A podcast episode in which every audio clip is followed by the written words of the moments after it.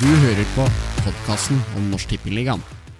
Hei og hjertelig velkommen til podkasten om eh, Norsk Tippeligaen. Mitt navn er eh, Lars Ulleberg, og som alltid ved min side så har jeg fått med meg vår egen eh, husekspert på denne divisjonen. Hjertelig velkommen til deg, eh, Anders Rosvold. Hjertelig takk. To runder som eh, gjenstår nå i samtlige seks eh, avdelinger. Det har eh, spisset seg til. Er du, er du klar for avslutningen? Ja, det blir jo 42 kamper eh, klokka ett på lørdag, så det blir mye å holde styr på. Hvordan få med seg alt? Nei, si det. Er det mulig? Det er ikke det. Her må man være rett og slett selektiv. Vi skal kanskje gi noe råd hvilke kamper du bør eh, besøke eh, i helga på lørdag klokka ett. Vi gjør som alltid, vi kjører gjennom alle seks avdelingene, og vi gjør det kronologisk og begynner nå. Avdeling 1. Og da, her Anders, her har vi jo rett og slett en eh, opprykksklar eh, vinner, som også ikke bare er opprykksklar, til og med ubeseira. Vi må jo først gratulere Gjøvik-Lyn med opprykket. De står altså med full pott etter de elleve første kampene.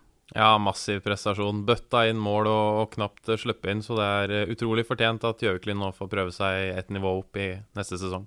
Ja, de har jo vært overlegne, men vi kan vel si at alle lag bak har halta på sett og vis her òg, da. Det har de, men de lagene som ligger nærmest der, har de slått med tre mål alle sammen. Både Gjelleråsen, Brumunddal og Elverum har tapt med tre mot Gjøviklin, så det er et meget fortjent opprykk eh, uansett.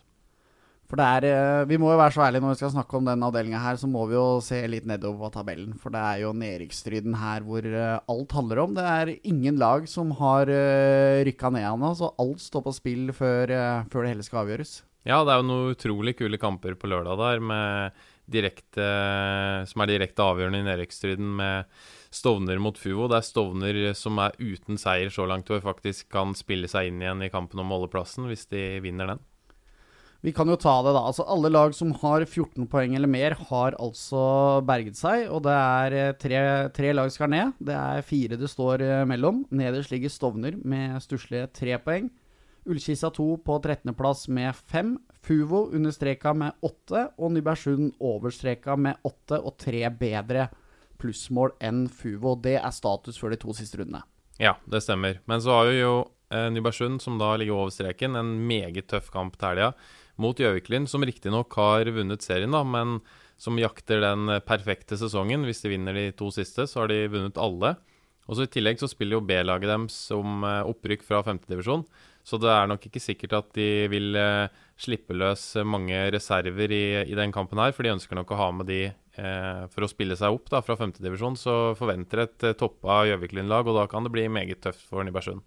Men Vi kan jo ta, vi sier jo at det kommer drama, men vi kan jo si det har vært drama. For Nybergsund spilte jo på mandag borte mot uh, Ullkisa 2.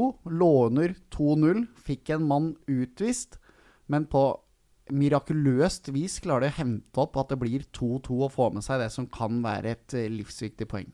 Ja, Det var vel litt uh, Ullkisa 2 sin skyld òg, at kampen ble sånn. Fordi at de har ganske dårlig målforskjell.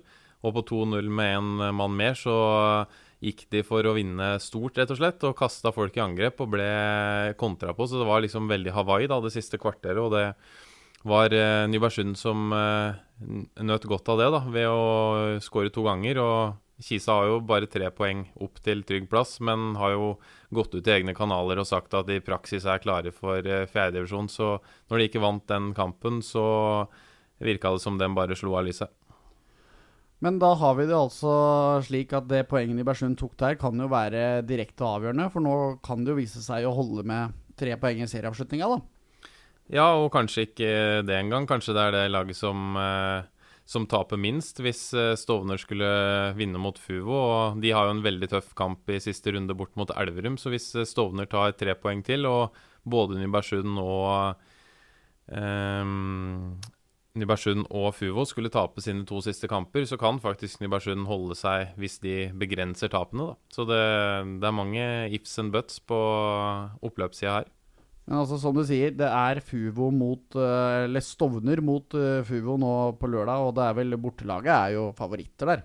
Ja, bortelaget blir favoritter i den kampen, men uh, Fuvo har tatt ett poeng på de siste fem og, og så veldig tunge ut mot Kongsvinger 2 sist der, der de røk med fem mål. så at eh, Stovner kommer til den kampen med energi og, og et stort håp om å vinne, det ser jeg ikke bort ifra. Så det, dette blir veldig tøft for Fuvo. Det er ikke sikkert at de eh, holder plassen her. Ja, av de fire her, altså, hvem, hvem tror du egentlig overlever, Anders? Jeg holder jo en liten uh, knapp på Fuvo med tanke på at de er uh, favoritter. Uh, små sådan, men de er favoritter borte mot Stovner. Og det kampprogrammet til Nybergsund er tøft. Jeg tror de får det veldig tøft mot Gjøviklyn. Det blir en stor bortefavoritt på oddsen, og så avslutter de borte mot Rødfoss 2. Da vil jo Rødfoss 2 de er faktisk ikke matematisk sikra enda med tanke på at de har eh, seks poeng ned der. De kan jo ryke på to stygge tap, men det skal veldig mye til. Så i praksis er de, de klare. Så men allikevel, Raufoss 2 på Nammo stadion der. Det er en tøff kamp for eh, Sundet mot et, eh, et godt eh, rekruttlag der. Så akkurat sånn det ligger an nå, så tror jeg FU var den beste muligheten til å holde plassen. For jeg tror fort at Nybergsund kan tape med, med flere mot Gjøviklyn. Hvis vi ser litt oppover på tabellen, Anders, de lagene vi ikke har vært innom her. Hvilke lag egentlig er det som har overraska deg mest positivt i år?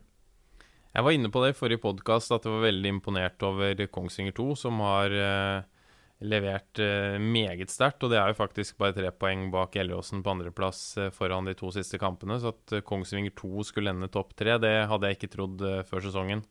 Og så var vi også må si at det er eh, bra av Toten, som i praksis har sikret plassen om med to kamper igjen. Det var jo et av de lagene vi hadde forventa skulle kjempe der nede. og Nybergsund var jo sånn vi aldri helt vet med hva de har fått inn. Jeg hadde jo antatt at de skulle komme litt høyere på tabellen, og kan det jo gå riktig så ille for dem, men de eh, har jo fortsatt mulighet til å berge seg. Så Nybergsund som er den eh, skuffelsen her, mens eh, Kongsvinger 2 selvsagt blir den store overraskelsen og den positive overraskelsen sådan.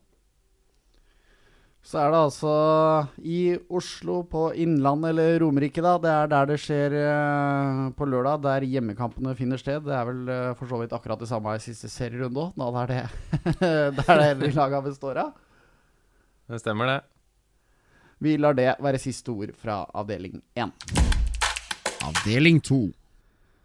I neste avdeling, det var jo avdelingen som vår uh, gjest i forrige pod, Joakim Jonsson, fulgte tett med argusøyne, hvor det virkelig er jevnt. Og det ble vel egentlig sagt at dette også er den beste avdelingen. Der har det skilt To lag har byttet plass i toppen, Anders. Fordi i helga så tok FK Eik Tønsberg over ledelsen fra Ørn Horten, som gikk på en smell mot Oppsal. Ja, tapte 0-2 hjemme for Oppsal. En kamp Oppsal trengte poeng i, så det var uh, meget sterkt av de. Uh, Ørn brenner straffe på et, Det er vel rett etter at Oppsal går opp til 2-0, så brenner Ørn straffe. da er det en halvtime, og det kunne jo fort snudd den kampen. Men meget sterkt av Oppsal som står imot og, og vinner den kampen der. Så det sikrer jo langt på vei plassen for dem, og så gjør det dette vanskelig for Ørn Horten da, på oppløpssiden. Ja, for Det er jo jevnt i toppen her. Vi nevner jo FK Eik Tønsberg står altså med 24 poeng. Ørn Horten har 23, og så følger jo faktisk Porsche og Hønefoss bak med 21. Så de er jo ikke ute av dansen, dem heller, når det er seks poeng igjen å spille om. Nei, Porsche snudde 0-1 til 3-1-seier borte mot Flint eh, i Tønsberg nå sist. Meget sterkt. Og de har også en god målforskjell. og overkommelig motstand med et ferdigspilt eh, Sarpsborg 2. Eh, og så møter de Mjøndalen 2, men som trenger sannsynligvis poeng i den kampen. Men det er jo da eh, på lørdag, og så spiller jo Mjøndalen sitt A-lag eh, samme helg. Så jeg regner jo med at eh, det er der fokuset er, på å redde plassen i Eliteserien. Så liten mulighet for Porsch med god målforskjell. Og så er jo Hønefoss bare tre poeng bak tabelltopp, men de har eh, klart svakest målforskjell, så de er avhengig av å gå forbi på poeng, da. Vi kan jo høre fra noen som er eh, direkte involvert i denne opprykksstriden. Det er på FK Eik Tønsberg så er det jo eh, en kjent eh, stopperkjempe i Lars Grorud. Vi tar og ringer han. Hallo, Lars. Hei, hei, hei. Nå som dere har inntatt tabelltoppen, er det bare solskinnsdager i Tønsberg med to, to runder igjen? Eh, ja, det kan vi si. Det er jo sommerby nummer én i Norge, og vi ligger på toppen av tabellen, så det er ikke så mye å klage på. Ja, det, jo, det, ble jo rett og slett et lite bytte på tabellen i helga. Selv om det bare ble ett poeng på dere, så holdt jo rett og slett det til å ta tabelledelsen. Hva er tankene før de to siste rundene? Nei, vi, sånn, eh, vi er fornøyde med å ligge der vi ligger, men på den annen side så har vi, eh, vi har jo ikke vært eh, holdt jeg på å si, vår beste versjon de siste matchene vi gjelder, så vi er helt klart nødt til å, steppe opp litt nå før, eh, før alt skal avgjøres. Tror du jeg kan ta det her, Anders? Ja, nå har de jo satt seg selv i en meget god posisjon. Men jeg er litt spent på hvilke tanker Lars gjør seg om å møte Flint, da, som er den lokale rivalen der, og fortsatt eh, er med til dels i nedrykkskampen. Det er jo en, en kamp det er spådd å komme kanskje 2000 mennesker på. Er det trykket der som kan eh, Er det dere, selv som er deres største fiende i opprykkskampen nå, Lars? Ja, det syns jeg egentlig man kan si. Eh, Vi har vist eh, vi har vist nivået vi kan ha eh, i mange matcher i år. Og det er klart at vi må opp på, den, på det nivået. Første omgang mot Fredrikstad var grusomt. Og da ligger vi under 2-0 mot et ungt, purungt Fredrikstad 2. Eh, Og så kjører vi jo fullstendig over i andre omgang. Så mm, jeg syns nok den eh, kampen oppsummerer litt hvordan det har vært eh, i år. Eh, Det har vært litt for dårlig på bunnivå, og så viser vi at vi er et veldig godt fotballag når vi får det til å stemme. Men den kampen mot Ørn, det, nei, Flint, det blir jo holdt jeg på å si, Selv om de teoretisk sett kanskje er litt mer nedrykksstreken eh, Det blir en tøff match uansett. Det, det kommer til å smelle bra. så det, det gleder vi oss veldig til. Ja, Så blir fokuset deres. Tenker dere opprykk eller derby, liksom? Åssen uh, filtrerer man ut riktige tanker for en sånn, uh, for en sånn kamp? Nei, vi eh, Det kjedelige svaret er ikke det arbeidsoppgaver. jo, det er det kjedelige svaret. Nei, nei selvfølgelig, det er, Man kan ikke legge under en stol at det er eh, spesiell kamp når vi møter både kamp mot Ørn og Flint. Vi tapte mot Flint, og det såra oss veldig. Så det er klart at vi eh, det, det betyr litt ekstra de matchene mot de eh, lokale lagene her. Åssen er det for deg, da, som har vært med på litt mer enn eh, nivå fire i norsk ball? da, Så kribler det i beina altså når det kommer folk på tribunen og sånn. Merker, merker du det fortsatt da? Ja, det syns jeg så absolutt. Det holdt jeg på å si, når jeg bomma på den straffa mot Ørn i 88 eller hva det var, det er lenge siden jeg har hatt en sånn eh, kjip følelse etter match, eh, selv på nivå fire. Så det er, det er klart når man eh, tar på drakta og man spiller om poeng, så er det, det er eh, pussig at det ikke betyr så mye om det er uh, Eliteserien eller tredjedivisjon. Så det er, eh, det er fortsatt veldig moro. Hvordan ser du på potensialet i Tønsberg som eh, fotballby? Nei, det syns jeg egentlig kampen mot Ørn, eh, altså at vi klarer å dra sammen 1800 mennesker eh, eh, i tredjedivisjon, sier det meste om. Det er vel det omtrent som er innom eh, på, på komplett i Sandefjord eh, eh, mot uh, eliteseriemotstand. Så det viser jo litt hva, som, hva som ligger i, av potensialet i byen her. Men det er klart vi må opp en divisjon eller to for å få, få det helt ut. Så det, det må jobbes godt i, i, klubben her for å få det til. Hva tenkte du egentlig i helga når Ørn gikk på en liten smell og dere plutselig fikk ledelsen? av? Kom det overraskende på deg? Eh, ja, både ja og nei. Eh, det er jo Holdt jeg på å si Oppsal her eh, var et bra lag mot også. de mangla litt fram mot banen, syns jeg. Men jeg syns egentlig det kommer nok til å være litt merkelige resultater de siste rundene. Det er mange som har mye å spille om, både i nedrykkskampen og opprykket, så jeg tror nok ikke Det er ikke lett å sette penger på oddsen her nå. Det tror jeg ikke. Mange, mange poeng trenger dere for å gå opp? Seks. Trenger han det, Anders? Ja, de eh, gjør nok fort det. det er, eh, Porsche kommer jo i, i fart bakfra der og har også en eh, positiv målforskjell, så det, det blir fort eh, i minst fire, men eh, sannsynligvis seks poeng de trenger for å gå opp, ja. Ja, nei da, det er uh, Porsche og Porsche og Hønefoss har på en måte fått en liten sånn eh, liv, liv, fått en livredning der som har fått at de plutselig er med fullt i matchen igjen, de òg. Så det er eh, klart at eh, Men vi har det ene poenget, og vi har eh, målforskjell eh, mot Ørn. Så det er eh, det er deilig å kunne ha alt i sine egne hender og ikke være avhengig av noen andre. Ja, det skal bli deilig lørdag klokka ett her, Anders, når eh, alt det her skal brake løs. Ja, det blir eh, skikkelig kok. Hvem tror du går ned fra avdelinga deres, eh, Lars? Det, har jo tett, det er jo tett der òg. Jeg tror eh, Åsiden går ned. Ja. Uh, nei, fader, det er uh, Jeg hadde kanskje satt uh, penger på Kråkerøy før nå de plutselig drar opp en seier mot Mjøndalen der. Så nei, det føler jeg helt vid åpent. Det er Altså, det gjør ikke opprykkskampen noe mindre interessant heller, da, med at de motstanderne til, til de andre har nedrykkslag. Kråkerøy som plutselig fikk tre poeng der, og så har du Mjøndalen som må vinne.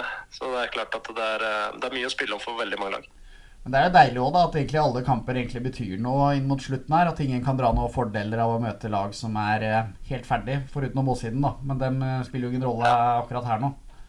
Nei, det er, det er kjempegøy. Så det er, det er jo det man ønsker. det at det på en måte Det er jo disse evinnelige andre lagene selvfølgelig som har vært uh, diskusjon i 20 år sikkert. Men uh, de har jo stilt litt forskjellige lag i, i år, men ja, nå på slutten at det ikke er et sånt annet lag for eksempel, som ligger trygt og som plutselig da bare sender det de trenger for å stille til kamp. Nei, det er veldig bra. Det er bra for ligaen og det er bra for, for matchen og alt sammen. Så det er interesse og alt. Så det er kjempebra. Lørdag klokken er 1300, altså. FK Eik Tønsberg mot byrival Flint. Dere får ha lykke til, Lars, og ikke minst takk for praten. Jo, tusen hjertelig takk. Hashtag NT-ligaen. Det var Lars uh, Groruds tanker, det, Anders. Han tror seks poeng må til. Det sa vel for så vidt uh, du også. Så gjenstår det å se da om Jon Arne Riise og hans Flint kan stoppe byrivalen på vei mot opprykk. Ja, og så var han jo også inne på det at det er dem sjøl som er sin egen, sin egen største fiende. da. det er jo mye nerver når man er på tampen av sesongen. Det var kanskje de som slo inn for Ørn Horten sist. og nå spiller jo kanskje Ørn Horten med litt lavere skuldre i den uh, kampen her, mens Eik Tønsberg har alt presset på seg fordi at de leder. Så det er mye sånne mekanismer som slår inn på oppløpssida. Status med to runder igjen er altså at Åssiden ligger eh, helt sist med sine null poeng. Kråkerøy nest sist med sine ti. Mjøndalen 2 også under streken med 11. Rett over ligger Halsen med 12, Strømsgodset 2 med 14 og Follo med 14. Men her var det jo Mange forventa at Kråkerøy skulle rykke ned da de møtte Mjøndalen 2, men uh, noen gode sluttminutter uh, reddet dagen og håp om fornyet kontrakt. Ja, de leder jo 1-0 lenge der og får uh, imot helt på tampen. Og da forventer man jo at de skal klappe helt sammen, men så finner de uante krefter og skårer på overtid og vinner den kampen 2-1. Og noen fantastiske jubelscener da, etter at Bjørn Berglund smalt inn 2-1 fra distanse. Så det var skikkelig kult å se. og Veldig overraskende òg at eh, Kråkerøy på en måte kommer tilbake sånn i nedrykkskampen. Fordi de virka egentlig litt uh, resignerte, følte jeg, før den kampen. Møtte et uh, på papiret meget sterkt Mjøndalen 2-lag og må vinne. De vet at de må vinne og har igjen også tøffe, tøffe motstandere nå med Ørn Horten neste gang. Men de klarte å mobilisere veldig og var meget imponerende av Kråkerøy. Så da lever den i hvert fall en helg til for Kråkerøy. Ja, du var inne på det. De har altså Ørn Horten, mens uh, Mjøndalen 2 skal opp mot uh, Åssiden borte. Og så er det da Halsen som skal gjeste Follo. Ja, og det, siden Mjøndalen 2 møter Åssiden, så må vi jo forvente at Mjøndalen 2 vinner den kampen. Og det vil si at skal Kråkerøy være med inn til siste runde, så må de sannsynligvis slå Ørn Horten hjemme. For da vil de ha Med tap vil de da ha, sannsynligvis ha fire poeng opp til streken. og og det kommer eh, ikke til å gå med en kamp igjen, det sier jo seg selv. Så har vi jo se, ta med midtsikt der òg. Du nevnte jo Oppsal, som da egentlig reddet plassen med sin uh, seier over, uh, over Ørn uh, sist. Og så dette Flint-laget, da, som nå skal opp i kamp mot bykampen mot FK i Tønsberg.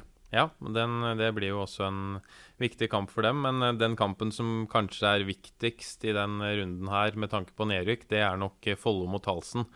Halsen er jo et skrekkelig bortelag. Tapt alle de fem på tur og minus 18 i målforskjell. Mangler også sin faste midtstopper Danilo Kuzmanovic, som prata på seg direkte rødt kort på overtid hjemme mot Godset 2 på mandag. så de eh, er ganske store underdogs i den kampen der. Eh, men det kan hende det holder for dem å vinne i siste kamp hjemme mot eh, Kråkerøy hvis resultatene går dems vei. Men en meget tøff kamp nå til helga. Så var det jo De må jo berømmes for en god innsats mot Godset 2 på mandag. Stilte jo Godset med Valsvik og Leifson, som er det faste paret i Eliteserien. De hadde karantene mot Viking på søndag, så da reiste de til Larvik på mandag med de to og, og flere fra A-stroppen for at den kampen måtte Godset 2 vinne. Uh, og det gjorde de òg, men det var bare 1-0, og Halsen var med hele veien, så det var uh, en bra prestasjon. Men de er nok avhengig av å levere like godt borte mot Follo, for der trenger de poeng. Det blir spennende å se. Vi lar det være siste ord om avdeling to. Avdeling 3. Årets uh, jevneste avdeling, det må vi uh, kunne si. Her er det så mye som er uh, vidåpent, og det er så mye på spill før de to siste serierundene. Stål Jørpeland leder med 23 poeng. Bak følger Sola på 20, Djerv 19-19 på 20, Brodd på 20 og Vindbjart på 19. Det er toppstriden, og Stål skal besøke Brodd i helga. Altså, her er det vanskelig å spå, Anders. Ja, det er vanskelig å spå. Selv om Stål er i førersetet, så tåler de sannsynligvis ikke tap mot uh, Brodd, da. Fordi uh, hvis en av de andre bak der uh, vinner komfortabelt, så kan det bli vanskelig å hente inn igjen målforskjellen, med mindre de vinner veldig mye den siste. Så uavgjort for Stål Jørpeland i den kampen der, det er helt gull, for da har de et ferdigspilt Ekspress hjemme på Jørpeland i siste kamp. Så poeng, det er noe Stål må ta sikte på der. Det regnes jo poeng, folk følger med på målforskjell. Det er scenarioer hvor folk kan ende på likt poeng, og hvor målforskjell blir avgjørende etc. Og er det en som har eh, kontroll på det, så er det Brodd-general Øyvind eh, Jacobsen. Vi ringer han. Hallo, riktig, riktig god dag. Likeså. Hvordan er livet i eh, Rogaland og Stavanger? Det er alltid bra, men i disse dager så er det en viss ekstra spenning som preger iallfall det jeg holder på med. Det er i fotballen. Den tredjedivisjonen vår er jo helt fryktelig jevn, og for et drama det kommer til å bli de to neste helgene. Men Jeg syns jeg liksom hører litt sånn smil i stemmen din nå, ja. Det er kanskje har noe med å gjøre med formen til Brodd, kanskje? Ja, altså Når det går fra 1-10 og tre strake tap på de første kampene, og til en påfølgende seanse på terrassen til sportslig leder i klubben, unnskyld, nestleder i klubben, og økonomiansvarlig i klubben, hvor det omtrent sier at nå må vi gjøre et eller annet. Og så gjør vi noe, og så ser, har vi altså gått åtte kamper uten å tape etterpå. Da er man bitte litt tilfreds, men uh, ikke mett og fornøyd ennå. Ikke mett og fornøyd ennå. Du har latt deg imponere av Brodd nå, Anders? Ja, det har jo eh, Øyvind hadde jo uh, virkelig troa før sesongen. Vi hadde dem jo helt i bånn, så var vel kanskje noen signeringer som hjalp på å dytte laget Eh, opp i opprykkskampen. Og er jo eh, kanskje målforskjellen, da, som Øyvind har skrevet litt om på Twitter, som uh, kan bli Brodds bane. Men kan seks poeng på de to siste holde, Øyvind? Det kan holde. Det kan faktisk òg være et scenario hvor vi rykker opp med negativ målforskjell. Hvis vi tar fire poeng. Men da skal liksom alt gå vår vei. Men vi kan vinne 1-0 mot Stål og spille 0-0 mot Vindbjart i siste kamp og rykke opp med minus ett. Eh, og 24 poeng. Men eh, jeg tror ikke seks poeng holder, eh, for å være helt ærlig. Så, så, tror jeg at vi blir nummer to eller tre. Men uansett, altså, det er altså Vi får jo ta scenarioet her. altså Stål leder jo altså med tre poeng på nevnte Brodd, Sola og Djerv 1919. Og så er det altså Brodd mot Stål på Midtjord. blir det en folkefest, eller? Ja, det regner jeg med. Jeg har ikke sjekket værmeldingen. Vi har ikke, har ikke tak over tribunen, men jeg regner med at det kommer mye folk fra, fra Jørpeland. Eh, de har nok eh, de mest uh, iherdige supporterne. Uh, og så er nok Brodd nummer to publikumslag, uh, iallfall i Rogaland.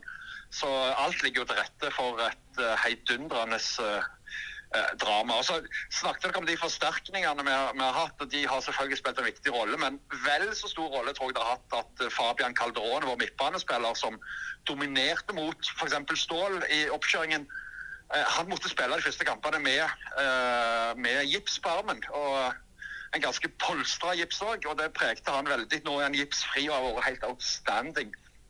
Og Derfor er jeg ganske trygg på at vi slår både Stål og og Vindbjart, som du heller ikke skal glemme helt opp i opprykksstriden, de er på 19 poeng, poeng bak oss, så vidt jeg vet. Uh, så, men spørsmålet er jo liksom om Sola og, og Jerv 1919 glipper opp, og hvor mye brodd slår uh, Stål. slår vi de 6-0, vet du, så, så, er vi foran på målforskjell på, på Stål. En offensiv Jacobsen her. Hva oddsetteren her, da? Hva sier han om styrkeforholdet før eh, lørdagens batalje? Nei, den kampen er jo så godt som helt jevn. Jeg tror ikke vi har landa på favoritt ennå. Det er jo en eh, spiss på motstanderlaget der som uh, sikkert mener at uh, det er en bortefavoritt. Even Østensen er jo i fyr og flamme. Starta snuoperasjonen mot Mandalskameratene sist og ble tatt ut ti minutter før slutt. Han har jo tre gule kort, så det kunne jo faktisk blitt karantene, men han er klar. 13 skåringer på 11 kamper. Han må vel skremme dere litt, Øyvind? Ja, han skremmer oss veldig. og Han skårer alltid mye mål mot Brodd. Uh, han har skåret hat trick på Midjo for, Viking 2. Uh, eh, han har spilt irriterende mange kamper mot oss, og jeg tror aldri han har gått av banen på Midjo uten å, å skåre. I alle fall, det må ha vært i veldig ung, veldig ung alder. men det er klart, vår kamp mot Stål vil jo ikke bare handle om å slå dem, det vil jo òg handle om å pådra Østensen et gult kort, sånn at han ikke spiller mot Ekspress i siste serierunde. Det blir jo gjerne vel så viktig som å og, og skåre mange mål mot uh, Stål i seieren vår. Så det er mye på, på spill her. Så spillerne har fått klar beskjed om å pådra, sørge for at Østensen pådrar seg et uh, gullkort. du har kanskje noen Du kjenner jo Even litt fra vikingtida. Har du gitt dem noen uh, tips i den anledning, eller? ja, uh, spillerne vet Jeg kjenner ikke Even veldig godt privat, men jeg har jo hatt en del med han å gjøre sånn fotballmessig. Og vi vet i hvilke situasjoner han fort kan pådra seg noen kort. det så kyniske må vi, må vi være, men først og fremst må vi vinne kampen. Og så tror jeg at uh, det verken blir Stål eller Brodd som, som, rykker opp. Jeg tror fort at Sola og Jav 1919 vinner òg sine beste, eller to siste kamper. og Da vil de ende opp på en tror jeg, en bedre målforskjell enn en Stål. Jeg tror vi ender opp med et scenario etter 13 runder hvor det er fire lag på lik poengsum. Hvor målforskjellen altså avgjør hvilket lag som blir nummer én, to, tre og fire. Ja, og Sola har jo den eh, beste målforskjellen foreløpig. Møter jo Viking 2 hjemme. Det må vel være et ganske gunstig tidspunkt å møte det Viking 2-laget på? Ja, jeg er jo i forhandlinger eh, mens vi snakker her om hva lag Viking skal sende ut eh, der. De spiller jo kamp samme dag sjøl mot, mot Lillestrøm. Men jeg forstår at både Tommy Høiland og noen av de beste juniorene i alle fall er med. Så det er et visst håp om at de kan få til noe. og Åkra Jam 1919 lokaloppgjør eh, på Haugalandet der. Der kan jo alt skje. Der har jo begge lag mye å spille for. Så for et drama det blir. Har du virkelig kost deg med sånn uh, halv serie, eller er det fryktelig å være oppi det dramaet når det er så jevnt over hele tabellen? Ja, jeg jeg, jeg syns det er ja, jeg, jeg synes det er lite å avgjøre dette på 13 kamper. og Den formen vi er i nå, så skulle vi gjerne hatt både to, tre og fire, fem kamper til uh, før vi var i mål. Men var jo, betingelsene var jo like for, for alle. Uh, og nå har det jo blitt uh, veldig jevnt i vår pulje. jeg er litt bekymra for at det betyr at ingen av lagene egentlig er klar for noe opprykk. men ja, det, det, er veldig vanskelig å, å, å si. men vi ser jo at et lag som Vidar, som mange tipper i opprykk, nå kan risikere å å rykke ned, f.eks. Det er jo vel så stor spenning i, i båndene nå, kanskje, i denne avdelingen. Ja, Vi kan jo ta det når du som følger med på alt her, er med oss òg, Øyvind. Det er jo altså Hinna så vidt under streken med 11 poeng. Det er to poeng opp til Åkra og tre opp til nevnte, nevnte Vidar. Hva, hva, hvem tror du ender under? Ja, jeg, jeg, Det er nesten så jeg tror på Vidar. Fordi eh, det var en uh, veldig svak Vidar-utgave som spilte mot oss, men så er jo vi et bra lag. Uh, nøkkelkampen blir jo Hinna sin kamp mot Start 2 får hinne med seg noe der, så slå, tror jeg de slår Madla i siste. Jeg har ikke noe tro på at Vidar plukker poeng i, i Mandal, og jeg har heller ikke særlig tro på at de slår uh, Sola. Uh, de har tapt alle kampene mot Stavanger-lag, uh, Vidar. Um, så hvis jeg skal Men jeg er helt usikker på om vi om Hinna klarer å reise ned og ta poeng mot Start, så mitt tips blir vel da at Hinna går ned fordi at Åkra tar poeng mot Jerv 1919. Ja, det er vel, den kampen er vel i Stavanger. Hinna Start 2, er det ikke det? Ja, Hinna Start er i Stavanger, ja. ja. Uh, og så er, det, så er det Madla Hinna i siste runde, òg i Stavanger. Men nå går jo eh, Start 2 sin kamp går jo samtidig med Jerv Start i Obos-ligaen, så jeg forventer ikke akkurat at Start 2 kommer med et eh, kruttsterkt lag der.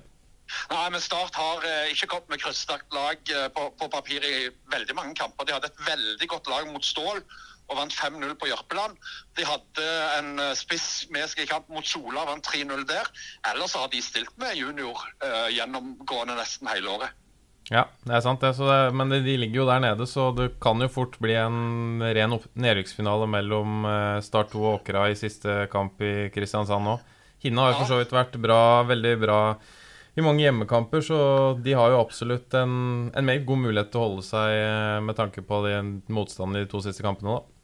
Ja, da, jeg tror nok Start 2 er såpass cocky at de tenker at uh, at hvis de skulle tape i Stavanger, så kan de avgjøre det hjemme med å fylle på.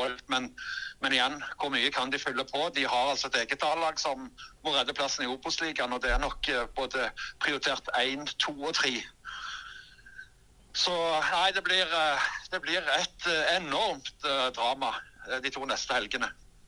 Det blir jo fantastisk å følge. Jeg regner jo med du skal på Midtjord på lørdag 1300, Øyvind?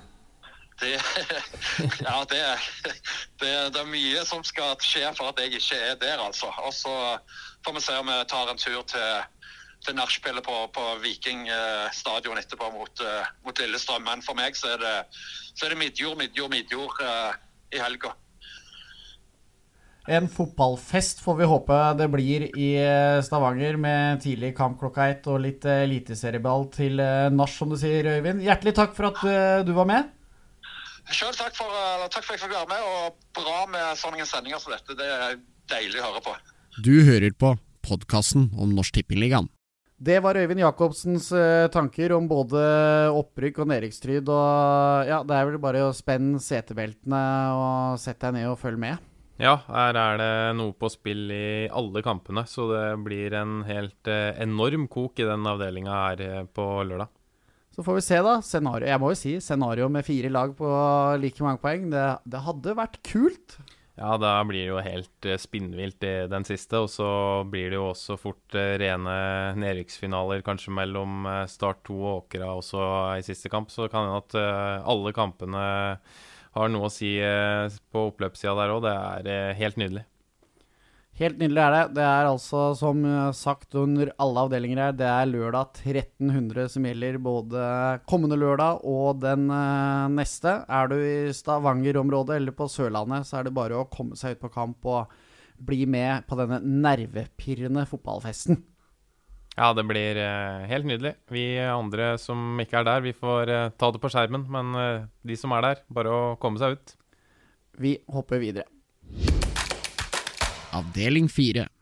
I avdeling eh, fire, som nevnt, der er det altså Frigg som ruver på topp, men de har bare skaffet seg en luke på ett poeng til eh, Fana, som også jakter eh, opprykket. Fyllingsdalen følger bak på tredjeplass. De er fem poeng bak Frigg, så de kan i teorien rykke opp, men i praksis er vel det umulig, Anders? Ja, da de tapte bort mot Lysklosset sist helg, så takket de for seg i opprykkskampen. For jeg har null tro på at både Frigg og Fana taper sine to neste kamper. Vi har jo snakket om eh, byderby eh, i en annen avdeling her, Anders. Men det er også byderby her som eh, spiller en stor rolle. For serieleder Frigg de får besøk av Lyn til helga. Ja, og det blir jo en nøkkelkamp for Frigg. Der den siste kampen som uh, Frigg uh, Eller de må jo vinne begge, men det er den siste kampen der de skal ha store problemer med å vinne. Uh, fordi jeg tror de, de møter Årdal i siste, og Frigg er såpass mye bedre enn Årdal at den kampen skal de vinne på ren klasse. Men selv om Lyn har hatt en svak sesong, så har de et veldig godt lag som i en enkeltkamp kan matche Frigg. Så den, den kampen blir en skikkelig nøkkelkamp i opprykket. Hva tenker Lyna? Vil de ha et Oslo-lag opp, eller uh, et lag fra Vestland fylke? Nei, Det er vanskelig å si. Det er mange lag i Oslo fra, i Post Nordligaen og Høyre, så det, jeg vet ikke om Lyn tenker så mye på det. Men det, er jo, det var litt eh, bråk mellom de klubbene sist de var i samme avdeling, da de kjempet om eh, opprykket. og det, det er jo kult for Lyn å, å slå en byrival og, og hjelpe Fana, da til eh, opprykk, så det, det, Lyn kommer garantert til den kampen med et mål om å vinne der.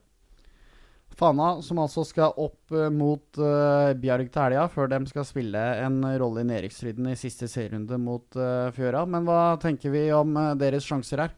Jeg var jo på den serieåpninga borte mot Frigg. Da Da vant Frigg 6-1 og tenkte at det Fana-laget her, det ser jo ikke ut. Og så fulgte de opp med 1-1 hjemme mot uh, Os, og som bekrefta min mistanke om at det, det, her blir en sesong midt på treet for Fana. Og siden den gang så har de ikke gjort noe annet enn å vinne. Åtte strake kamper nå, spiller meget god fotball og bøtter inn skåringer, så hadde de faktisk eh, vippa den eh, 1-1-kampen hjemme mot Os i sin favør, så hadde de leda avdelingen. Så det er meget imponerende det Fana har levert. Så hvem tror vi går opp? Nei, Jeg tror jo Frigg tar det. De blir eh, store favoritter mot eh, Lyn. De har det beste laget og kommer jo fra en eh, megaseier borte mot Sogndal 2 sist. Det var jo mer en treningsøkt å regne, men eh, jeg tror Frigg klarer å holde nervene i sjakk. og Fana har også en meget tøff bortekamp mot Bjarg, som er veldig god hjemme. Eh, Så det Jeg tror Frigg eh, holder inn. Du var jo inne på det her. Vi kan jo ta nedrykksstriden med en gang. Det er Sogndal 2 som ligger eh, sist og er ferdigspilt med sine to poeng. Årdal også under streken med åtte. Det samme er Fjøra med ti poeng. Mens over streken der er Reddy som er A-poeng med Fjøra. Og så er det jo mange lag på tolv her òg som Ja, det er jo litt uvisst hvem som faktisk går ned. Ja, uh, Reddy hadde jo en utsatt kamp mot Sogndal 2. Den ble jo spilt på Fossum eh, tirsdag kveld. Uh, var 4-0 til pause, og da forventa nesten at Sogndal 2 skulle gå skikkelig oppløsning igjen. Tapte jo 1-11 hjemme mot Frigg på lørdag.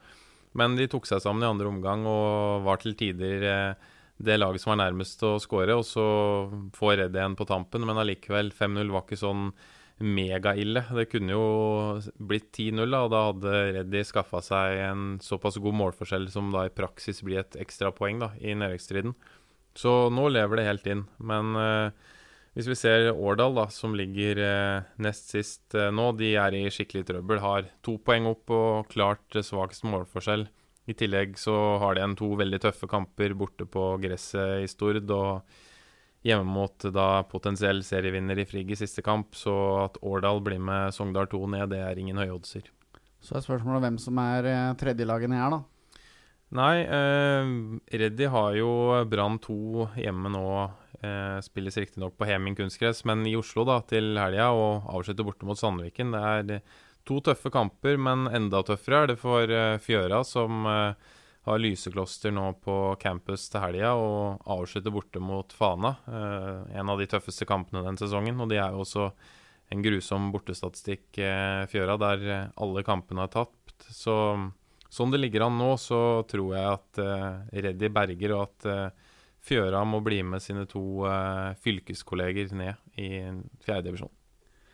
Vi har jo også en uh, toppskårerduell i denne avdelingen. Det er jo Friggs uh, Vital Kurtis Kaba som har uh, 16 pinner, mens brannrekrutten Elias Heggeland Myril han følger rett bak med 15. Gutta vet å finne veien til mål. Ja, sist vi hadde podkast, så var jo han Elias eh, ganske klar eh, toppskårer. Men så skåra jo Kaba fem ganger borte mot eh, Sogndal 2 på lørdag, så da snek han seg opp eh, på førsteplass. Og så har vi også Rocky Lekai på 14 i eh, avdeling 1, mens Even Østensen og Peder Dovland har 13 hver i avdeling 3. Så det er en kamp om å bli toppskårer på tvers av avdelingen her.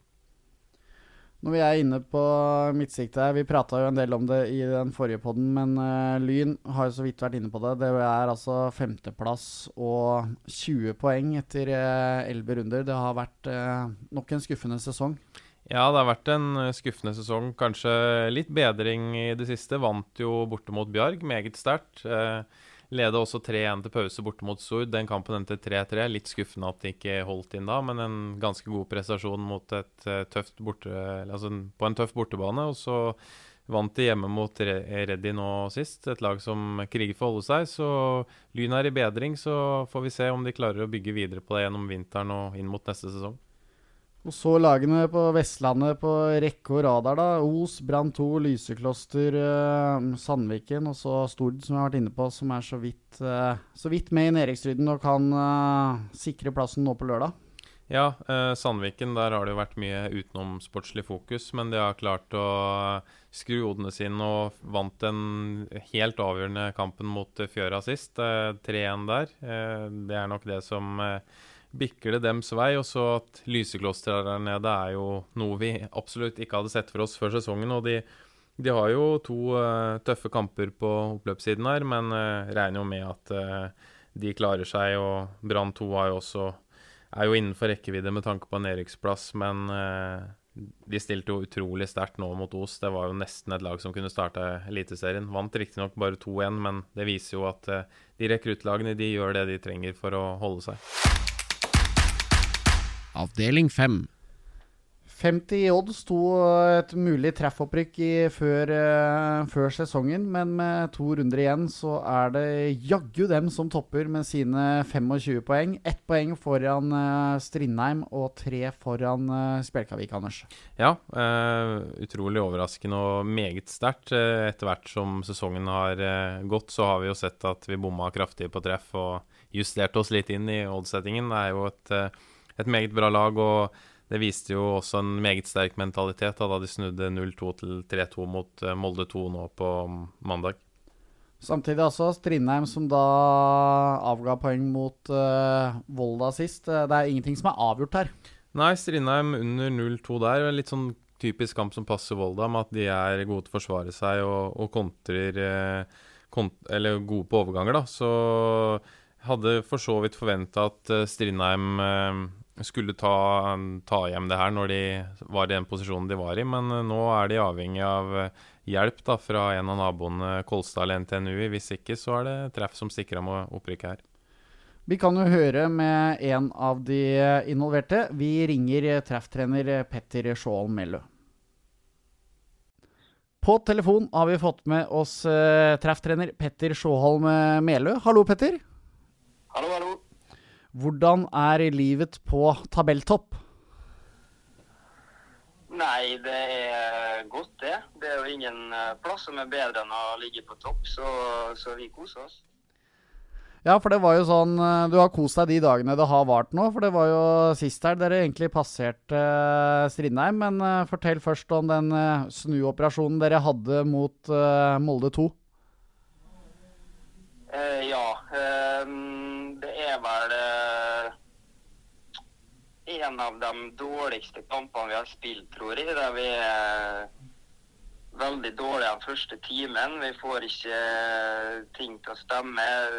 Dårlig rytme i, eh, i angrepsspillet vårt. Og mm, det lugger veldig. Og så mm, Men så går vi over til, vi over til plan B.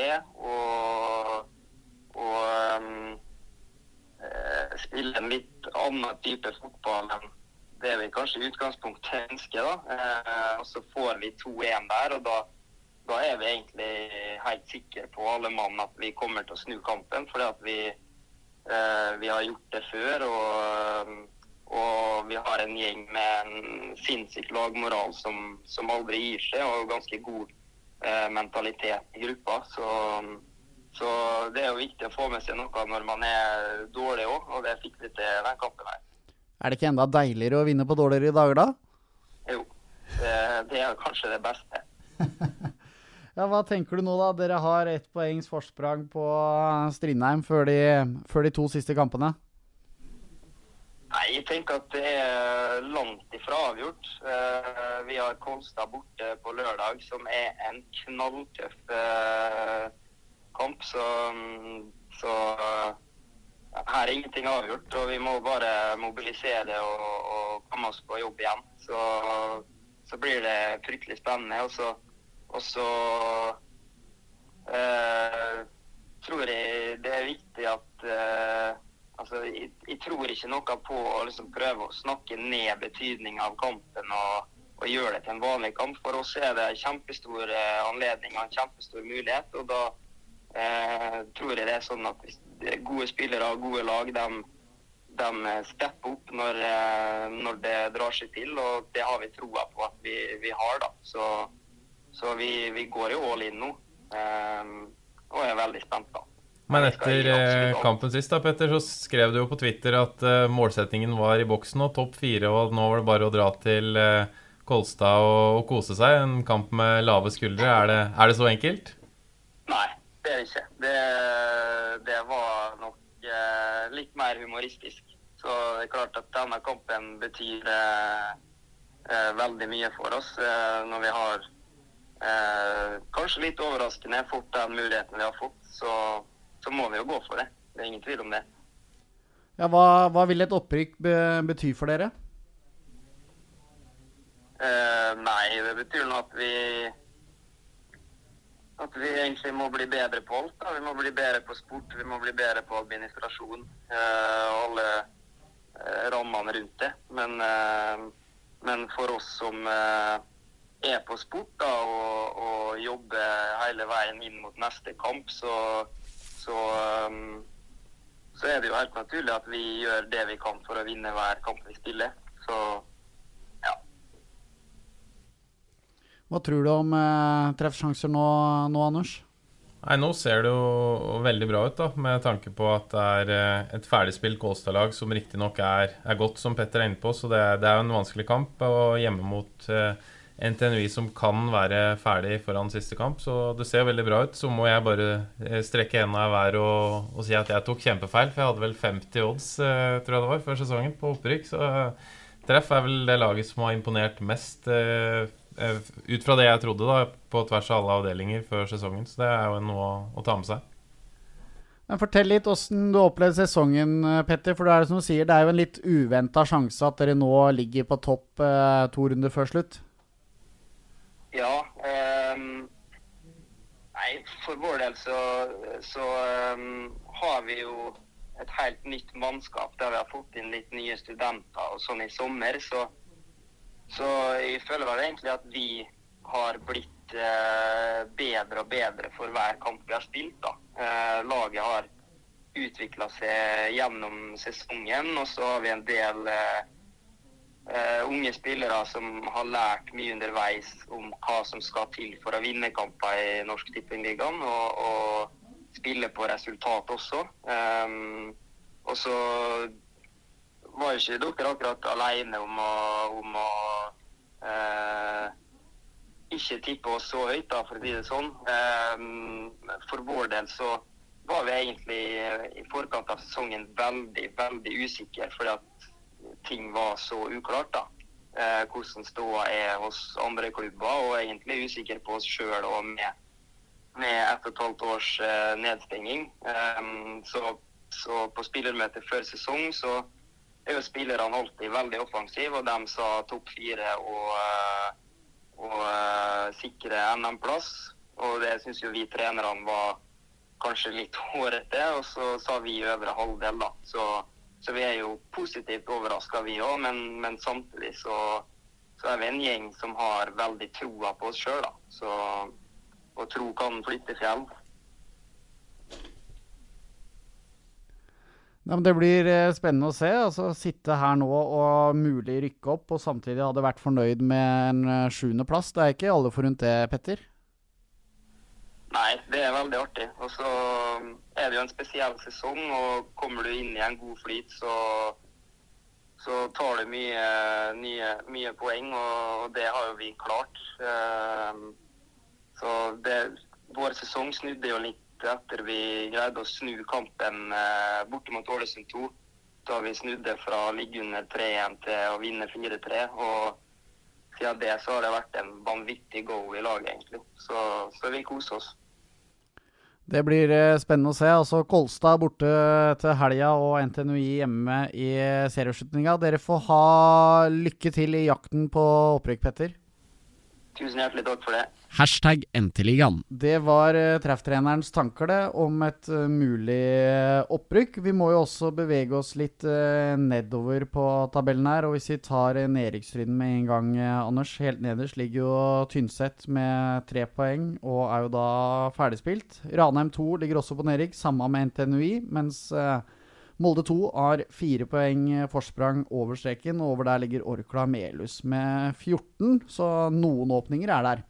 Ja, noen åpninger, men ganske mye tyder på at det er de tre som ligger på nedrykk nå, som uh, tar turen ned. Uh, Ranheim 2 er jo i, i praksis klare for nedrykk pga. sin enormt svake målforskjell. og NTNUI har jo et lite håp hvis de vinner sine to siste kamper, men det er Byåsen hjemme og så borte mot serieleder treff. Så med Molde 2 rett over streken, så tror jeg det blir vanskelig. Jeg ser liksom ikke helt for meg at Molde skal tillate at rekruttlaget sitt dumper ned i fjerdedivisjon. De spiller jo for så vidt samtidig mot Stabæk med A-laget i Eliteserien, men de kan vel kanskje unnvære et par mann fra avstanden for å vinne den hjemmekampen mot Volda på lørdag. Så du tror tabellen sånn den står, egentlig blir eh, stående, du, da? I, Ja. eh, Jeg tror det. De har, vi har jo også Orkla rett eh, foran der, som har en tøff bortekamp nå mot Tillit til helga uten sin gode midtbanespiller eh, Steinar Gjersvold. Men han har karantene. Men eh, de avslutter hjemme mot uh, Tynset, eh, som er eh, ferdigspilt. Og da tror jeg nok eh, at Orkla skal eh, vinne den ganske greit. Og så er det også Melhus, da, som har våkna sent og tatt mange poeng i det siste og er i god form. Eh, For så vidt et tøft program eh, med Ålesund 2 og Molde 2 i de to siste, men som sagt så må NTNU vinne sine to siste for å røre til noe i denne avdelinga her, og det tror jeg ikke de gjør.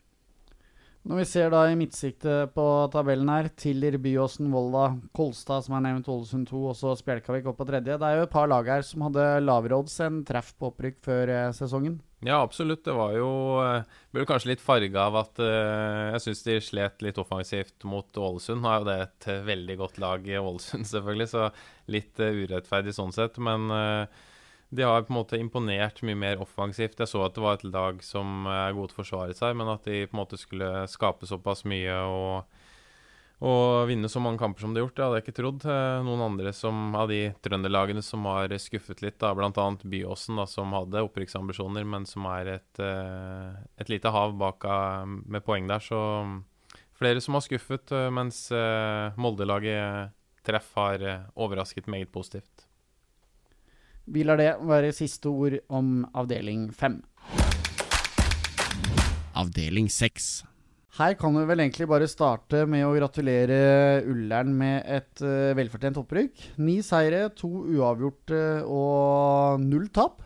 Ja, vi var vel kanskje litt harde med dem eh, sist podkast, da vi sa de var skuffa. Har jo levert veldig bra i de, den siste måneden. Eh, og at de har vunnet 9 av 11 og spiller U mot topplagene Junkeren og Skjervøy. De har skåra flest og sluppet inn færrest. Det, det vel, var vel mer en anerkjennelse av at det her er et eh, knallgodt lag som fortjener en mulighet i Post Nord-ligaen nå. Det blir spennende å følge Ullern der også. Og bakover her da, så er det jo egentlig grisejevnt, da. For vi har jo Melbo som ligger på den siste trygge plassen, og Lokomotiv Oslo som ligger på andreplass. Det skiller jo egentlig bare seks poeng her, altså. Ja, en uh, veldig jevn avdeling. og det er jo up for grabs den uh, andreplassen der. Lokomotiv med seier hjemme mot uh, Skånland etter to uh, sene skåringer sist. Så for dem ville det jo vært en kjempeprestasjon å ende topp tre i den avdelingen her. Ja, Tror du Lokomotiv Oslo klarer å holde Junkeren, Tromsø 2 og Skjervøy, disse, disse lagene bak seg, og kapre andreplassen? Nei, De har to tøffe kamper på oppløpssiden her, så jeg tror vel kanskje Junkeren eh, sniker seg foran med tanke på eh, hvem de møter. Men eh, uansett en kjempegod sesong av Lokomotiv Oslo og noe de kan være meget stolte av. Så er det jo nedrykksstrid, da. Eh, Finnsnes er eh, allerede nede. Skånsland så, så godt som. Eh, må selv vinne sine to siste, samtidig som at Glimts eh, rekrutter ikke tar med poeng. Men eh, Glimt 2 skal jo møte Finnsnes til, til helga, og det er Glimt 2 som har den siste nedrykksplassen. Men det er to poeng opp til Melbo og tre opp til Stabæk 2 og Mjølner. Ja, uh, Finnsnes er jo ferdig, men allikevel så syns jeg de leverte en eh, prestasjon de kan være meget stolte av hjemme mot et eh, veldig godt Stabæk 2-lag nå sist, der Stabæk vant eh, 4-3 etter en sen scoring av Kristoffer Nordmann Hansen. Nei, ikke Kristoffer, men Cornelius, selvfølgelig. Hans bror. Kristoffer er jo Sandefjord.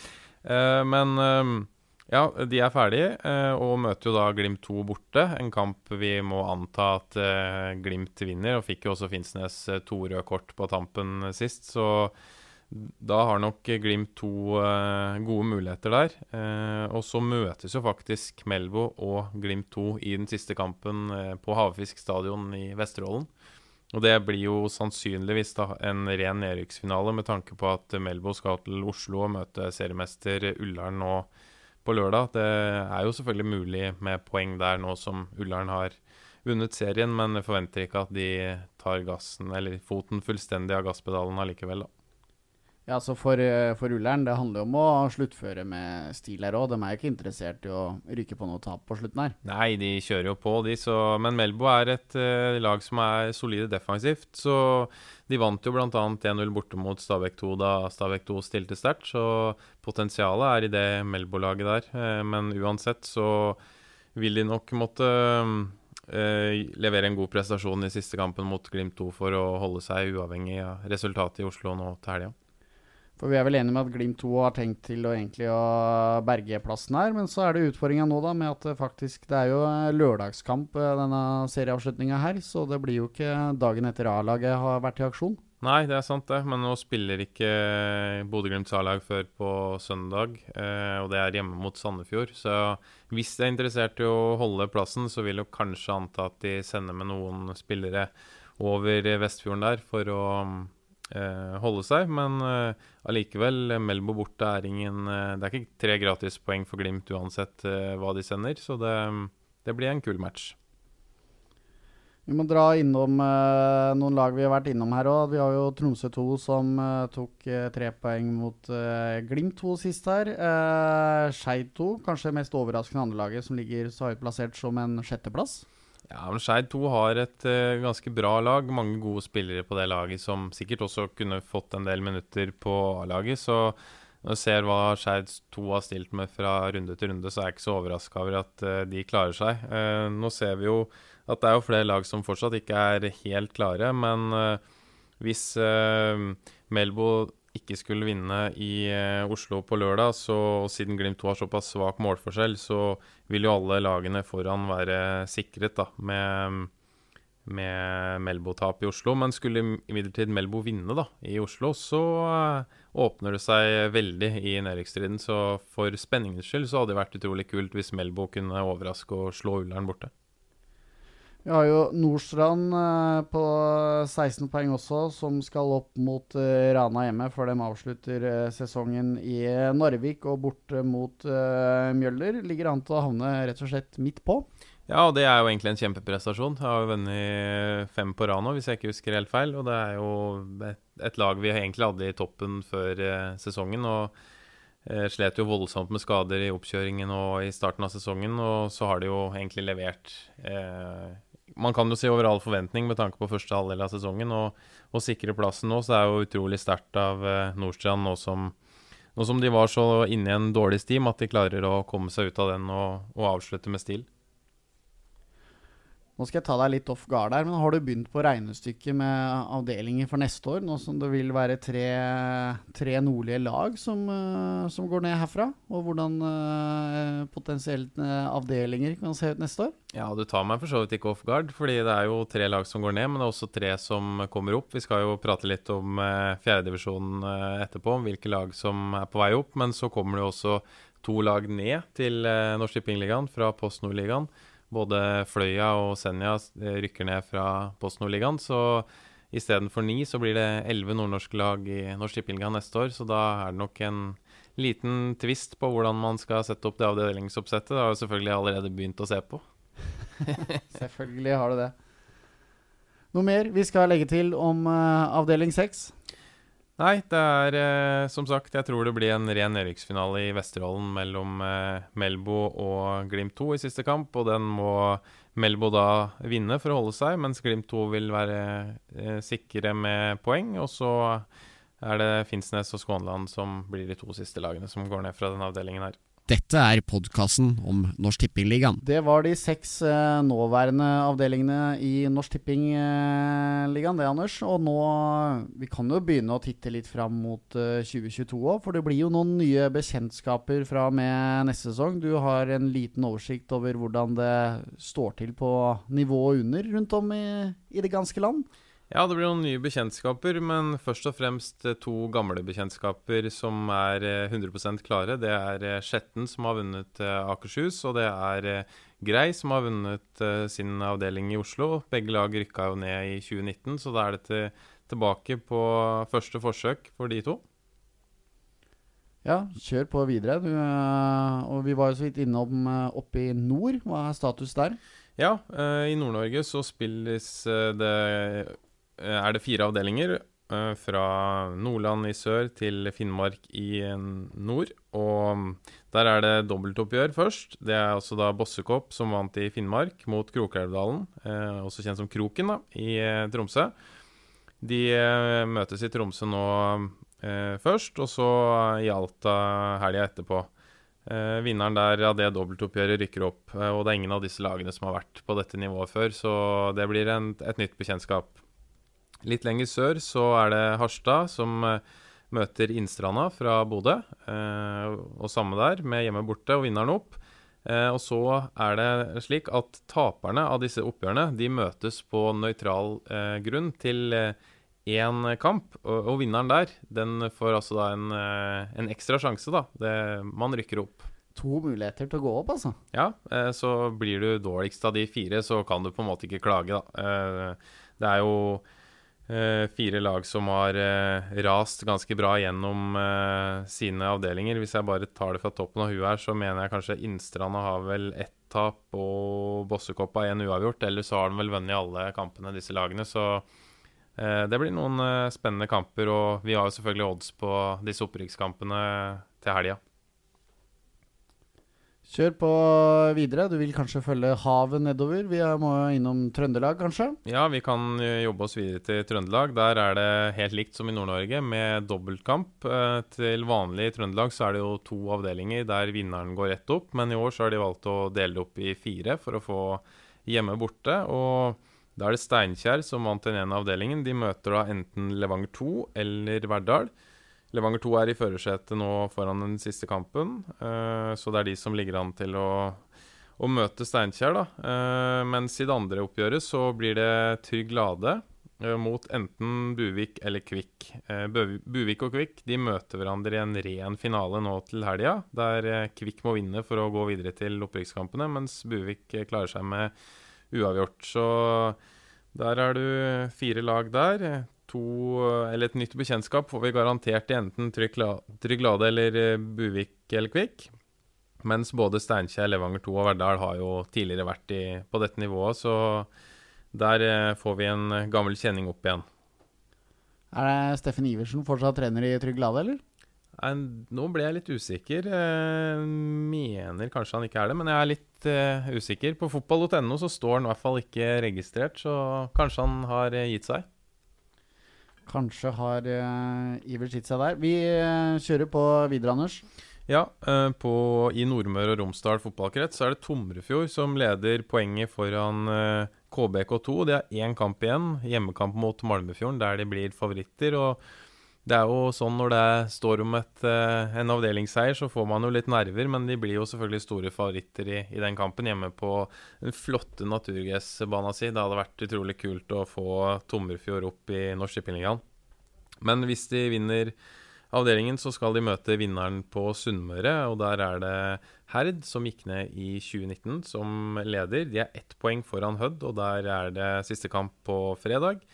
Herd eh, skal spille borte mot Bergsøy, som ikke har noe å spille for, så forventer at det unge fremadstormende Herd-laget tar seg til eh, eh, opprykksfinalen. Og da kan det jo bli to herlige oppgjør da, mellom Tomrefjord og Herd. Tomrefjord versus Herd, ja. Vi, du ruller på. Fader, for en oversikt du har, altså. Ja da, vi har jo juksa litt og gjort, lagd oss noen notater her, men det er klart, noe av det sitter jo i toppen av huet òg. Sogn og Fjordane, da, blir jo neste stoppested. Der er det Førde og Eid som har vunnet hver sin avdeling og møtes til opprykkskamper. Der blir eh, Førde ganske store favoritter. Har bl.a. hentet inn eh, Stefan Aase før denne sesongen. Og det er tidligere Florø-trener Terje Rognsø som trener Førde. Nå rykker jo Florø ned og Førde sannsynligvis opp, da, så vi får disse herlige lokaloppgjørene mellom eh, Florø og Førde igjen neste sesong. Det kan jo alle som eh, holder til der borte, glede seg til.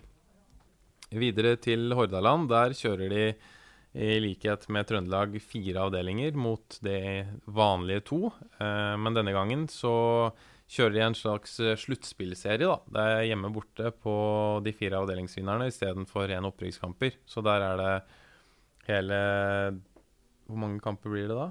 Åtte runder? Hvis det er fire lag, så skal han spille seks kamper hver, da. Ja, stemmer. Hjemme borte, ja. Det er korrekt. Så det, der er det en stund til vi får vite hvem som går opp. Det er den siste kampen i midten av uh, november, tror jeg. Det er altså da Bergen Nord, Lyngbø, Frøya og Bremnes. Bergen Nord var jo oppe på eh, norsk tippeliganivå for et eh, to-tre år siden, så de kan komme tilbake igjen. Mens av de tre andre lagene så er det ingen som har vært her, så det, det blir kult. Bremnes er jo da naboen til Stord, så mens de tre andre lagene holder til i Bergen. Lyngbø og Frøya er jo således veldig naboer. Det er vel 1500 meter i luftlinje mellom banene eller noe sånt, så det er et lokaloppgjør det lukter svidd av. Så skal vi videre sørover da, til Rogaland. Der skal de spille nesten ut november. De er bare halvveis, eh, så det er fortsatt ganske mye som kan skje der med seks serierunder igjen. Så jeg tenker vi kan uh, hoppe videre til Agder, for der er det opprykkskamper allerede på lørdag. Uh, Søgne og Randesund vant hver sin avdeling, og det er Randesund som starter hjemme. Den kampen er klokka halv ett. Dobbeltkamp, vinneren går opp, altså? Ja, stemmer. Den kampen er halv ett på lørdag, da Randesund hjemme.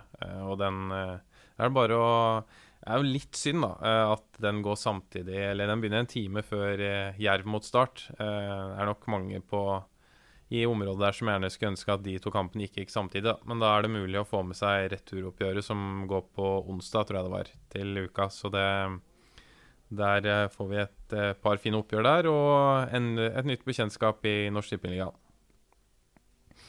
Vi begynner å nærme oss eh, hjemmetrakten igjen. Jeg stopper først i Telemark. Der har eh, Uredd vunnet avdelingen. Rykka ned i 2018-sesongen, var det vel. Og de har eh, vunnet ganske klart. Elleve strake seire eh, foran siste runden. De har bl.a. Oliver Ocean og Fredrik Nordkvelde på laget. Så de blir en tøff nøtt for vinneren av Buskerud, for der er det dobbeltoppgjør som alltid. Og foreløpig ligger det an til å bli Vestfossen, som rykka ned i 2019. De leder serien med to kamper igjen og har også best målforskjell. Uh, så ser vi på, ut på kysten. Der har vi uh, Sandefjord 2, som uh, vant serien akkurat som i 2019. Da røk de for Fredrikstad 2 i kvalik. Men denne gangen blir det mot Sprint Jeløy eller Råde. Begge lagene har eh, vunnet alt, bortsett fra innbyrdes. Der vant eh, Sprint Jeløy hele 3-0, så de som ligger eh, veldig godt an og har råd til en uavgjort da, i løpet av de fire siste kampene. Det som er litt eh, spesielt her, Lars, det er at eh, Sandefjord 2 de eh, er ferdig nå i, i, morgen, tror jeg det er. Og så er det tre uker da, til Sprint Jeløy og Råde er ferdig med serien sin. Så det blir et veldig langt opphold da, for Sandefjord før den kvaliken. Ja, Fordel av å være en uh, eliteserieklubb, da. Og de har jo en juniorarena. Og det skal være mulig å holde seg i gang der òg. Det skal være mulig å holde seg i gang, men uh, de har sluppet ned flere A-spillere for å, å, vinne serien ganske greit i år. Og uh, det samspillet det kommer jo til å være, være litt rustent, da. Så det kan jo være da til laget fra Østfold sin fordel, da.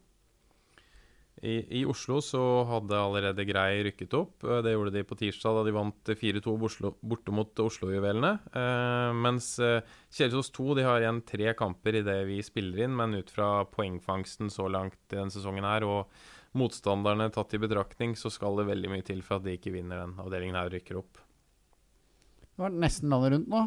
Ja, da gjenstår bare den, din egen avdeling. Du som trener Ottestad, dere er jo foreløpig med i kampen. og Det er Engerdal som leder den avdelingen, men det er eh, fortsatt fire kamper igjen. Fire poeng opp, så ikke helt avgjort der. Eh, vinneren av denne avdelingen skal jo møte vinneren av den andre avdelingen, og den kan jo du eh, Hvem tror du vinner? Er det HamKam 2, eller er det Lillehammer som klarer å klo HamKam på oppløpssida? Det er HamKam 2 som vinner den andre avdelinga. Ja, jeg er ikke 100% sikker, med tanke på at eh, de møtes jo da dagen etter HamKam skal borte mot eh, Blink der. Eh, så ja, hvis Lillehammer vinner den De har også god målforskjell. Det er ikke helt utenkelig at Lillehammer eh, skal følge på inn, men klart HamKam er jo i førersetet og satser på det her, så men også får jo da to kule opprykkskamper da i godt stykke ut i november. Så dette vil spilles mye fin fotball eh, en måned til. Da har vi jaggu vært innom Norsk Tippingligaen og uh, fjerdedivisjon, uh, Anders. Takk, så, takk, igjen for at du byr på deg sjøl. Jo, selv takk. Så må vi jo bare oppfordre folk, da. Nå fikk dere ramsa opp en hel haug med kvalikkamper som dere også kan få med dere. Men altså de to siste rundene i Norsk Tippeligaen, det er nå de to neste helgene. Lørdag 23.10 klokken 1300. Da spilles alle kamper. Nå er rekruttlaga inne på helg og full pakke. Og så er det serieavslutning da 30.10 klokka ett, også for alle. Bare å få på seg stillongsen og boblisen og komme seg av gårde. Kle dere for guds skyld godt, og så håper vi jo selvfølgelig at alle klubber stiller opp med varm kaffe og kiosksalg og det som er, for å hjelpe på. Det, det blir jo kjølig på mange arenaer her. Ja, det er det liten tvil om. Jeg har fryst nok i løpet av livet mitt på eh, kamper i november. Spennende blir det. Jeg håper alle koser seg eh, med sesongavslutningen. Så med det så tror jeg vi sier eh, på gjensyn. På gjensyn og lykke til til alle involverte.